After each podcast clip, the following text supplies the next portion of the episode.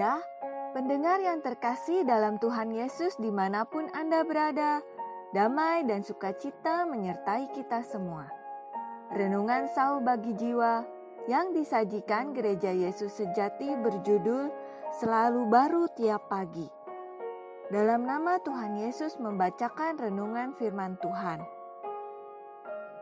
Selalu baru tiap pagi, besar kesetiaanmu Ratapan pasal 3 ayat 23. Ada seorang saudari yang telah migrasi cukup lama, anak-anaknya sudah tumbuh dewasa. Maka dia memutuskan bekerja di luar. Selain untuk menambah penghasilan, juga untuk belajar bahasa Inggris.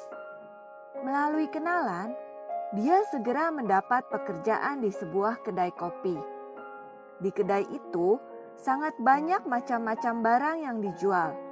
Untuk mengingat namanya dalam bahasa Inggris saja sudah cukup memusingkan dia, apalagi mesti menguasai cara membuatnya. Kedai itu juga sangat banyak langganannya. Setiap hari, pembeli keluar masuk tidak ada henti-hentinya. Maka, manajer kedai itu menuntut agar karyawan bekerja dengan kecepatan tinggi sebagai karyawan baru, hal ini sangat sulit bagi dia. Apalagi dia tidak terlalu menguasai bahasa Inggris. Sedangkan bahasa Inggris di sana adalah mutlak untuk berkomunikasi dengan pelanggan. Pekerjaan itu adalah sangat sukar dan menantang bagi dia. Keadaan dan lingkungan pekerjaan seperti itu sangat memukul dia, sehingga Berkali-kali dia berpikir mau mengundurkan diri. Lebih baik kembali menjadi ibu rumah tangga saja.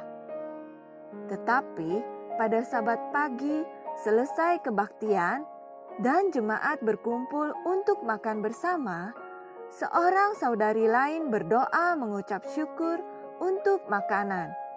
Doanya, "Ya Tuhan, kami bersyukur kepadamu karena selalu baru tiap pagi.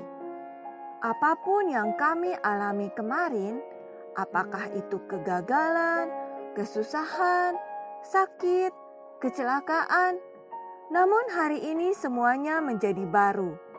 Kiranya Tuhan membantu kami menghadapi hari yang baru ini. Doa ini menjadi penghiburan besar bagi saudari itu. Dia mendapat kekuatan kembali dia sadar dia tidak boleh mundur sewaktu mengalami kesulitan, melainkan harus bersandar kepada Tuhan untuk melewati masa susah itu dan terus digembleng di dalam pekerjaan. Besarlah kasih setia Tuhan yang tidak akan melupakan anak-anaknya yang sedang menderita. Sewaktu dia mengalami kegagalan, Tuhan sendiri memberi penghiburan kepada dia bahwa selalu baru tiap pagi. Ini memberi keberanian besar bagi dia dalam menghadapi masa depan. Sungguh, bila bersandar kepada Tuhan, tidak ada yang perlu kita takuti.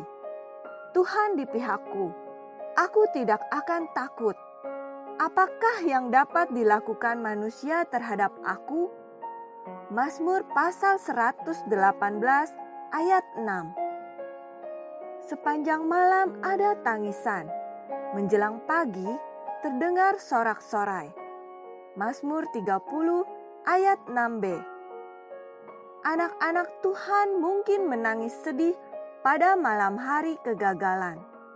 Tetapi pagi hari yang baru terdengar firman Tuhan kita pasti bersorak-sorai menyambut tantangan baru. Memang, segala pekerjaan sulit pada awalnya, apalagi bagi imigran yang baru. Kurang fasih berbahasa setempat. Sangat sulit bagi dia bekerja di luar. Tetapi Tuhan Yesus tidak akan mengabaikan kita. Dia akan menghibur dan menolong kita Ketika firman Tuhan tiba, ingatlah seperti saudari itu.